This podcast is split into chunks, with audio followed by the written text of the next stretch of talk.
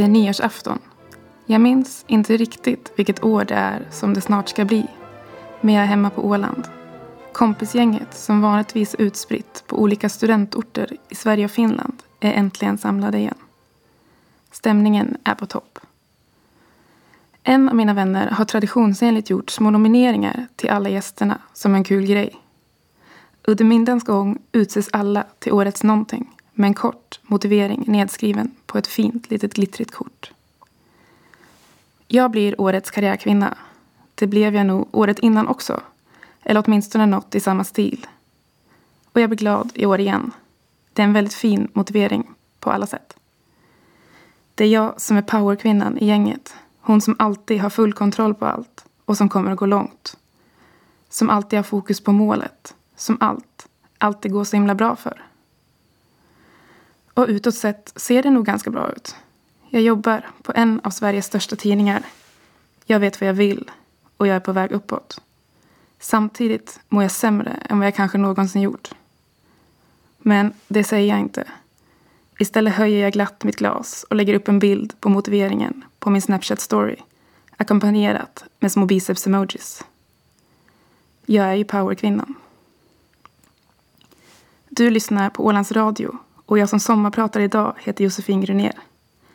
Till vardags jobbar jag som säljredaktör på Expressen i Stockholm och berättar andras historier genom första sidor och löpsedlar. Nu ska jag försöka berätta min egen. Om att vara på väg uppåt. Om att tappa kontrollen. Om att äntligen hitta hem.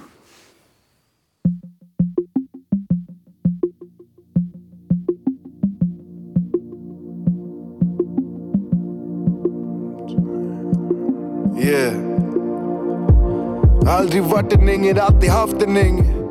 Kanske en liten hejaklack utav de brå. Men om vi backar bandet några år. Jag är runt åtta år och på familjesemester på någon av Kanarieöarna. Jag ligger på en plastsolstol vid poolkanten med knallröd näsa. Det är den fortfarande alltid på sommaren. Det spelar ingen roll om jag så solskyddsfaktor 50. Den sticker liksom ut för mycket. Som en backhopparbacke, brukar min mamma säga. Hur som helst, det är någonstans här jag har mitt första möte med en kvällstidning. Pappa, som vanligt alldeles för rastlös för att ligga och sola hela dagarna, har varit ute på någon walkabout. Han varvade antagligen de där stackars öarna flera gånger under de där veckorna som semestrarna pågick, medan vi andra låg och stekte vid poolen. Ändå var han alltid brunast när vi kom hem. Livet är, som bekant, inte rättvist. När han kommer tillbaka har han nästan alltid med sig tidningar. Oftast två, om det finns. En Aftonbladet och en Expressen. Han är egentligen ingen kvällstidningsperson, min pappa. Kanske mer nu än vad han var då. Men jag gissar att Ålandstidningen eller Landsbygdens folk helt enkelt var svår att få tag på. Där bland supermerkadosarna. När mamma och pappa var färdiga med tidningarna brukade jag norpa åt mig dem. Krypa upp i solstolen med en Fanta jordgubbssmak som pappa också oftast hade med sig tillbaka till mig. Det kändes inte riktigt på smaken att det var just jordgubb. Smakade väl egentligen mest kemiskt. Men fresa betydde jordgubb, fick jag lära mig. Så där satt jag sen och bläddrade med fuktiga poolfingrar tills de var helt svarta av trycksvärta. Det var mycket svärta i tidningarna då. Mer än vad det är nu, tror jag. En killgissning är att det kanske var för att de skrev mer om kriminalfall då. Jag minns i alla fall hur jag grottade ner mig i uppslag om gamla olösta mord och spännande pågående brottsutredningar. Pixlade bilder, avspärrningsband och stora vita rubriker på svart botten. I mitt minne är varje tidning full av historier lika spektakulära som sommarstugemorden i Arboga sommaren 2016. Så var det säkert inte, men kvällstidningar var nytt för mig då. På Åland har vi ju inte riktigt samma kvällstidningstradition som de har i Sverige. Jag hade nog aldrig ens sett en löpsedel annat än på tv. Det var nästan lika exotiskt som Fanta med jordgubbssmak. Tidningarna var kittlande, skrikiga, ibland nästan på gränsen till vulgära. Och de bad inte om ursäkt. Jag älskade det. Det känns overkligt att det långt senare ska bli jag som får göra första sidorna och löpsedlarna till just en av de tidningarna. Till Expressen.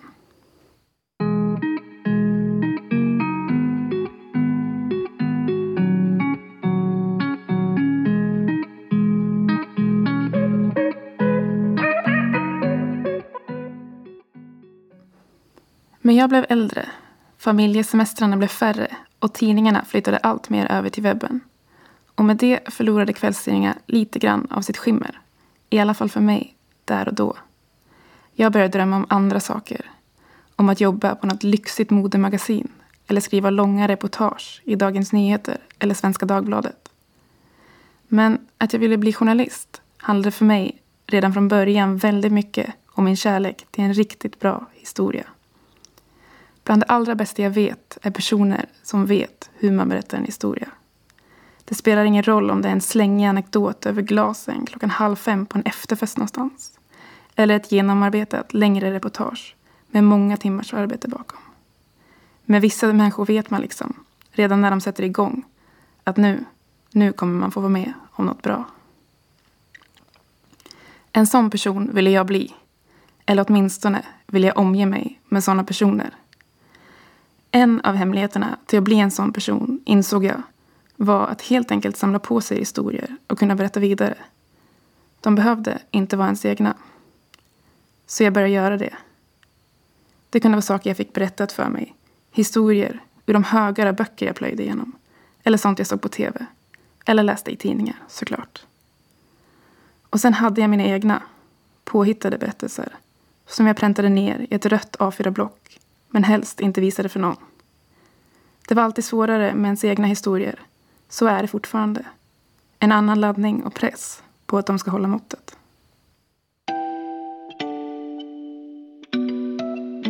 Oh,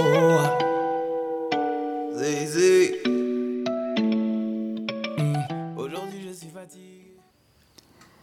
Direkt efter gymnasiet började jag på journalistprogrammet vid Mittuniversitetet i Sundsvall. Och när vi första dagen skulle gå varvet runt och berätta varför vi ville bli journalister var svaret för mig ju egentligen ganska givet. Jag ville hitta historier. Jag ville få dem berättade för mig. Och jag ville vara den som berättade dem vidare. Helst först och bäst. Men det var inte svaret jag till slut gav. För när mina blivande klasskamrater alla sa saker i stil med att de ville bekämpa orättvisor, granska makten och förändra världen kändes det så sjukt barnsligt i jämförelse. Så jag ljög ihop något som lät bra och viktigt istället. Du lyssnar på Sommarprat i Ålands Radio och jag som sommarpratar idag heter Josefin Grunér.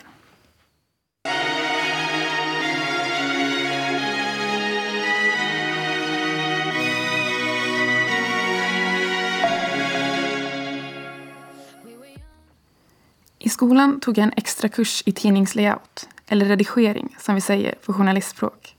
Mest som en kul grej. Men jag insåg snabbt att jag hade en fallenhet för rubriker. Vilka detaljer som kittlade, var man skulle trycka. Det fanns också något otroligt tillfredsställande i pillet med detaljer. Jag antar att det lirar väldigt väl med de OCD-drag jag nog ändå har.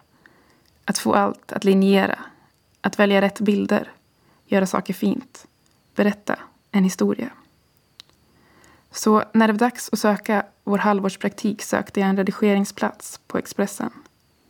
Och jag fick den. Jag var överlycklig. Jag skulle få jobba på tidningen jag läst där vid poolkanten så många år tidigare.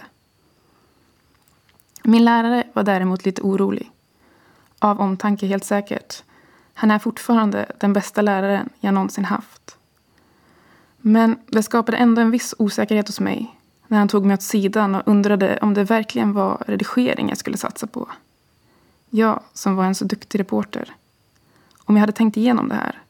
Papperstidningens framtid såg ju allt annat än ljus ut. Och hade jag verkligen tillräckligt vassa armbågar för att klara mig på en kvällstidning?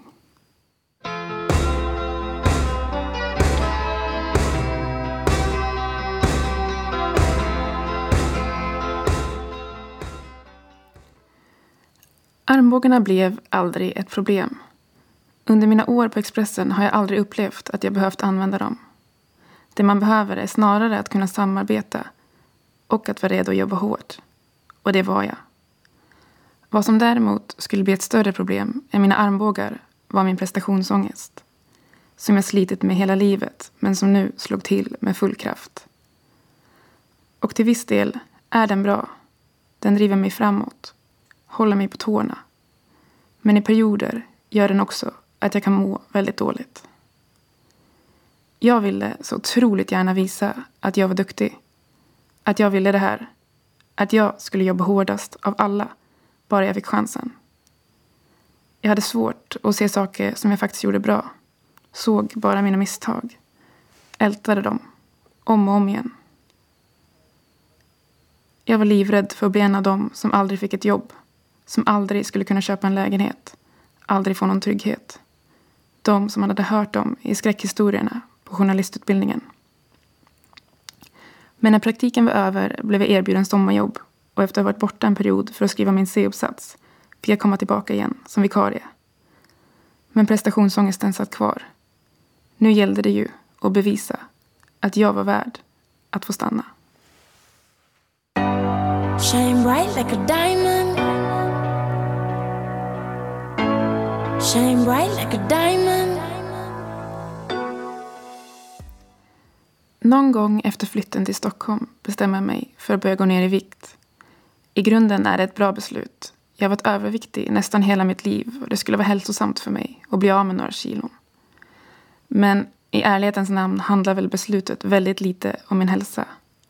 Mycket mer om att jag är så otroligt trött på att alltid vara den tjocka kompisen. Och att jag har en brinnande övertygelse om att bara jag blir smal så kommer allt annat att lösa sig. Det vet man ju, att smal är lika med lycklig.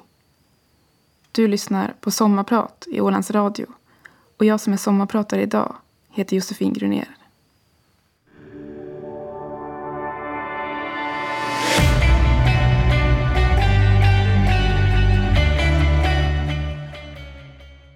Till en början går allt väldigt bra. Jag tränar och äter rätt och går stadigt ner i vikt i lagom takt. Jag har aldrig legat där man ska på vare sig vikt eller längdkurvan hos skolsköterskan. Redan i lågstadiet skämdes jag när hon kryssade i min vikt på det där pappret, ovanför den där linjen. Och frågade om jag övervägt att kanske börja med fettfri mjölk istället för med vanlig. Vilket jag för övrigt testade och det hjälpte inte ett skit. Men nu, plötsligt, låg jag där man ska på kurvan. Jag är så kallad normalviktig. Vad jag däremot inte är, är lycklig. Och det är en enorm besvikelse. Så jag pressar lite till. Jag börjar mixtra mer med maten. Sätter upp regler för mig själv. Vad jag får och inte får äta. Hur mycket, vilka tider. Med tiden blir reglerna allt striktare. Listan på tillåten mat blir kortare. Antalet tillåtna måltider per dag färre. Till slut ska jag helst bara äta en gång om dagen. Jag bokför min vikt i anteckningarna i mobilen. Varje gång siffrorna rört sig ens något gram åt fel håll är det ett misslyckande. Då kompenserar jag. Tränar lite mer. Plockar bort någon till måltid. Jag älskar känslan av kontroll. Hur den till en början gör att jag kan hålla min ångest helt i schack. Det är så mycket annat i mitt liv som inte känns inom min kontroll just då. Skolan är över och det är dags att bli vuxen. Jag har flyttat från mitt trygga lilla Vårdö till Stockholm. En stad där det är fler människor på T-centralen vid rusningstid än på hela ön jag kommer från. Ändå känner jag mig ensam. Jag är utan min familj och mina bästa vänner. Jag bor i andra hand och vet aldrig när det är dags att tvingas packa ihop och flytta till något nytt ställe. Om man nu hittar något. Och som anställd vid en bemanningsföretag har man inget fast schema. Man jobbar lite när det behövs. Ibland natt, ibland dag. Och man blir ofta inringd samma dag som man ska jobba. Rutiner finns liksom inte riktigt. Men utan rutiner blir det också väldigt lätt att lura sin omgivning.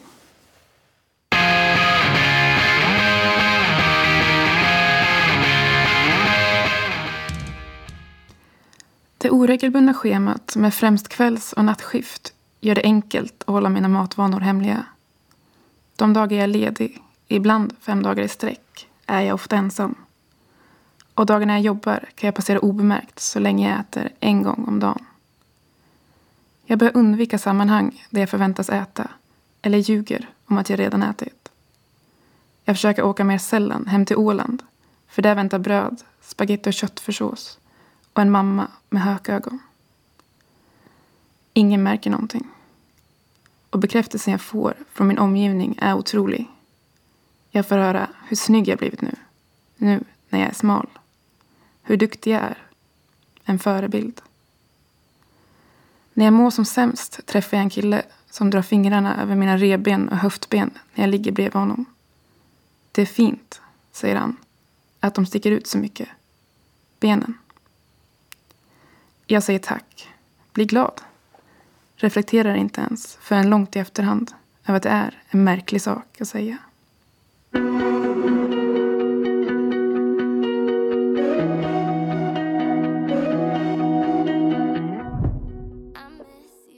Hela tiden är jag fullt övertygad om att jag inte har något problem. Ja, jag har gått ner ganska mycket i vikt ganska snabbt. Men jag är absolut inte anorektiskt smal. Sådär som man ser på bild. Och viktigast av allt, jag spyr inte. Det klamrar mig fast vid, som en livboj. Så länge man inte spyr har man inga problem. Det vet alla. Jag är ju bara hälsosam.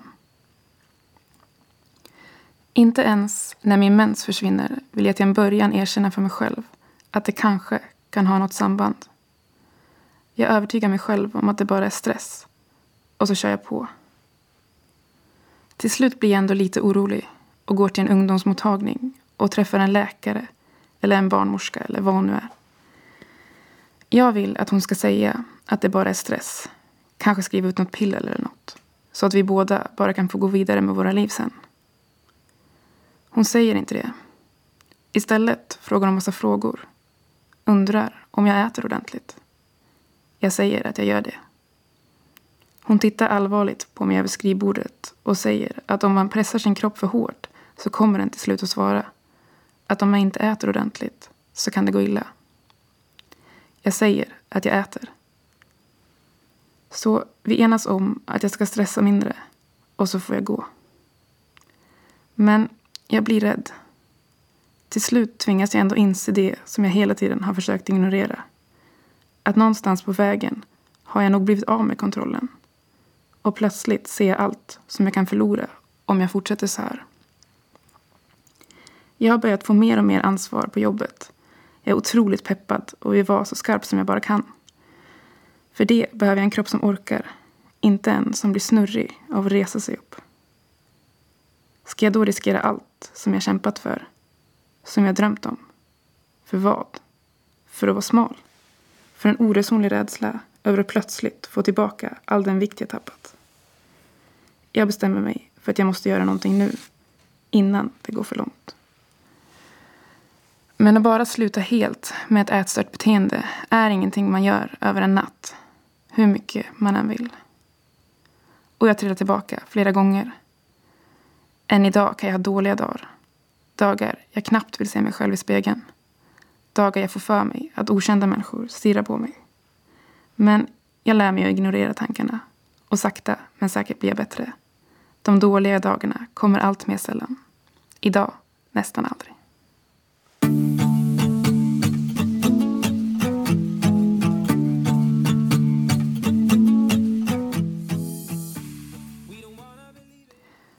Träningen blir ironiskt nog en otroligt stor del av min räddning.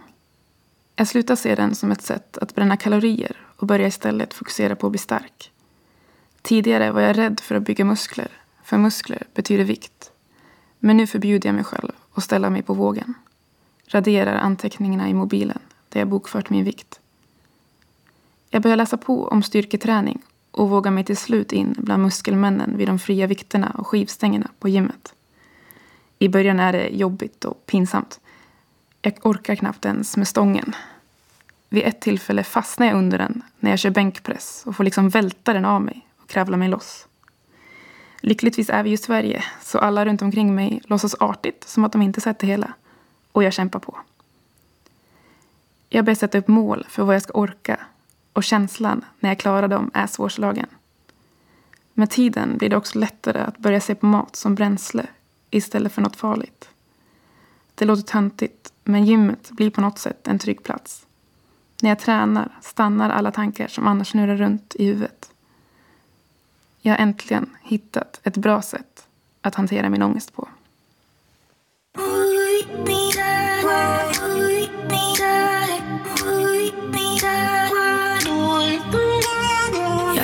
Där igen.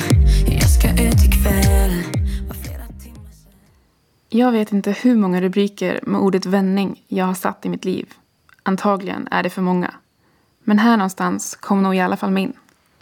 Sakta men säkert skulle saker och ting liksom börja falla på plats. Tids nog blev jag fast anställd av Expressen och slapp ut ur bemanningsföretagsbubblan med det oregelbundna vikarieschemat. Jag kunde ta ett lån och köpa en lägenhet och har med tiden hunnit bygga upp en bekantskapskrets med fantastiska människor runt omkring mig. Jag hade fått alla de grejerna som det sades att jag kanske aldrig skulle få. Ett bra jobb, en lägenhet, trygghet. Stockholm hade blivit hemma. Du lyssnar på Sommarprat i Ålands Radio och jag som är sommarpratare idag heter Josefin Grunér.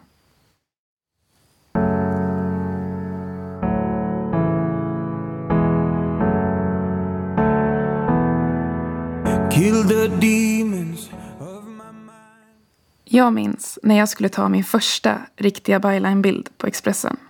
Det är en speciell situation eftersom man verkligen, verkligen vill att bilden ska bli bra. Men man också verkligen, verkligen inte vill att någon ska fatta hur mycket man vill det. En svår balansgång som alla fotografer med all säkerhet genomskådar direkt ändå. Jag hade i alla fall precis börjat på nöjesredaktionen. Metoo-rörelsen hade nu nått Sverige med full kraft så det var en pressad och hektisk tid för den relativt lilla redaktionen. Själv skulle jag ta över som redaktör för kändismagasinet Extra och skulle få vara med och ta fram idéer för hur det skulle göras om. Både innehållsmässigt och layouten. Bland annat skulle jag få en välkomstkrönika som skulle inleda varje nummer. Jag var sjukt taggad och satt i ett spånmöte om just det här. När en annan person med otroligt mycket feeling slänger fram idén att vore det inte festligt om Josefin hade på sig en paljettklänning med vind i håret på krönikebilden. Att det hade varit festligt råder det väl ingen tvivel om, men det var kanske inte riktigt eh, jag. Men, får jag erkänna, bakom den stigande paniken över hur det här egentligen skulle se ut kunde jag ändå se ironin och humorn i ålänningen som på sin första riktiga byline-bild skulle se ut som hon glidit rakt ut ur en reklam för Viking Line-kryssningar.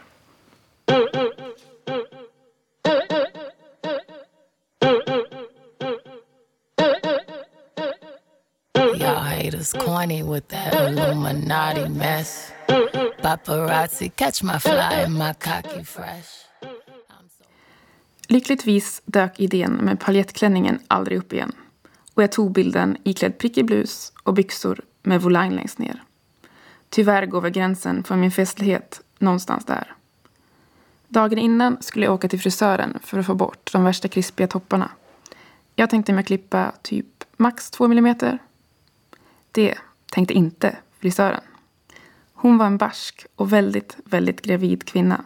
Skämten om att barnet i magen inte alls var hennes mans var aningen för många för att jag skulle känna mig helt ostressad av situationen redan från början. Hon lyfte en sorglig test av mitt hår mellan fingrarna, tittade på mig i spegeln och sa Det här måste bort. Jag stammade fram något och försökte skaka på huvudet. Men här fanns inte utrymme för några protester. Och snart låg flera centimeter på golvet runt stolen. Mest tog hon fram till, vilket ledde till att jag fick vad mina senare frisörer har kallat för lite åt hockeyfrilla-hållet. Men som den svensk jag ändå integrerats till sa jag givetvis att jag var supernöjd, betalade och höll tummarna för att krönikebilden skulle bli ganska liten. Det blev den inte. Den tog, utan att krydda, upp halva sidan. Det var kanske den största Baylan-bilden jag sett i mitt liv. Större än Leif GW Perssons. En man jag på alla andra sätt har väldigt svårt att mäta mig med. Så man får kanske ändå säga att det var en sorts peak i karriären. Den gången jag var större än Leif GW Persson.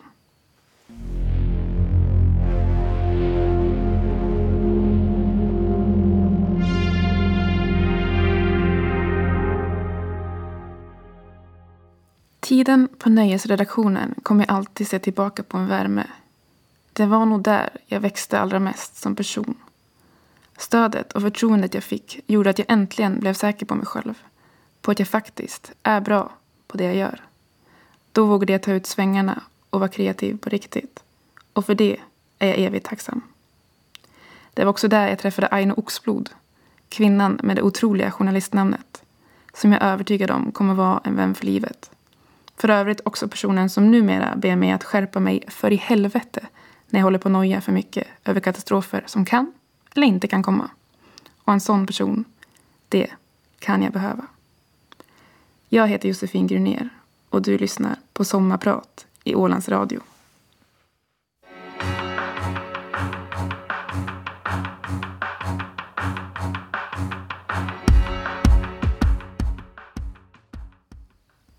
Känslan av att vara på en större tidningsredaktion under en stor nyhetshändelse är svår att beskriva. Adrenalinkicken man får och att se hur ett så stort maskineri liksom bara funkar. Hur alla vet exakt vad de ska göra. Det är mäktigt på något sätt. Jag har hunnit få vara med under flera stora nyhetshändelser. Under val, både svenska och amerikanska. Och följt resultatet med spänning. Kommit hem från jobbet när solen precis börjat gå upp. En nyhetshändelse jag aldrig kommer att glömma är terrordådet på Drottninggatan i Stockholm 2017. Jag var egentligen ledig från jobbet den dagen. Så när första pushen kom om att en lastbil kört in i Åhléns trodde jag att det handlade om smash and grab. Sen började jag förstå att det var något helt annat. Något värre. Jag hörde av mig till min mamma, meddelade henne att jag var vid liv och i säkerhet och kollade upp att mina vänner i Stockholm också var det. Sen ringde min chef och undrade om jag kunde komma in och jobba. Det kunde jag. Tunnelbanan stod still så jag försökte få tag i en taxi, men eh, det var svårt. Taxibolagen hade fått order om att inte köra in mot stan. Och jag var väl knappast den enda som försökte få tag i en bil just då.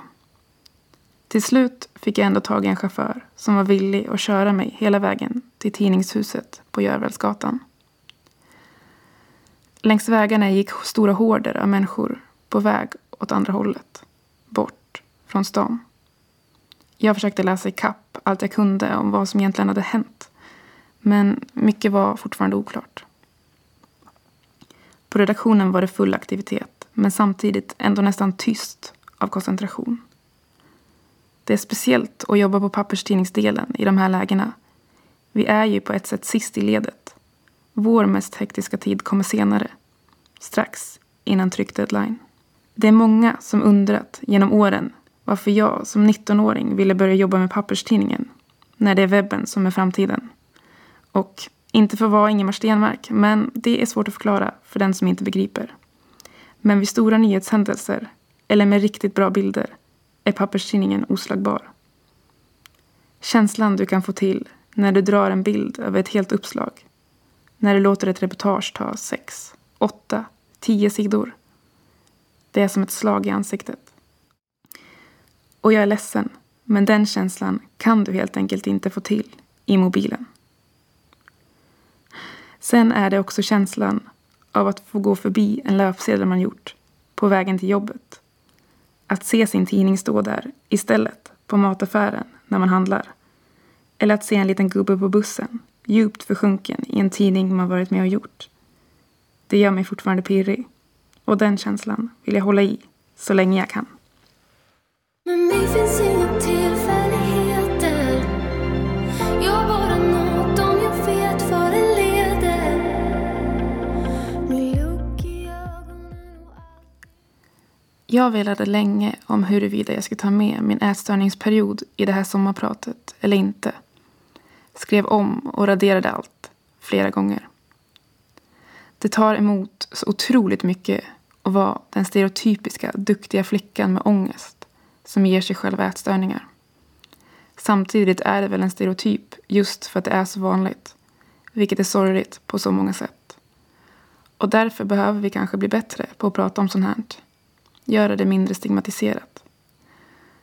Men det var också viktigt för mig att inte låta den här perioden få en för stor plats i mitt liv. Det förtjänar den inte. Många har också haft det så otroligt mycket värre än mig. Det vet jag. Jag hade tur som lyckades ta mig loss innan saker och ting gick helt åt helvete. Samtidigt, om det nu för en gångs skull är min egen historia jag ska berätta, från början till slut och inte någon annans så är det här väl oundvikligen en del av den. Dessutom en okänd del. Och det är väl dem man helst ska berätta, har jag lärt mig.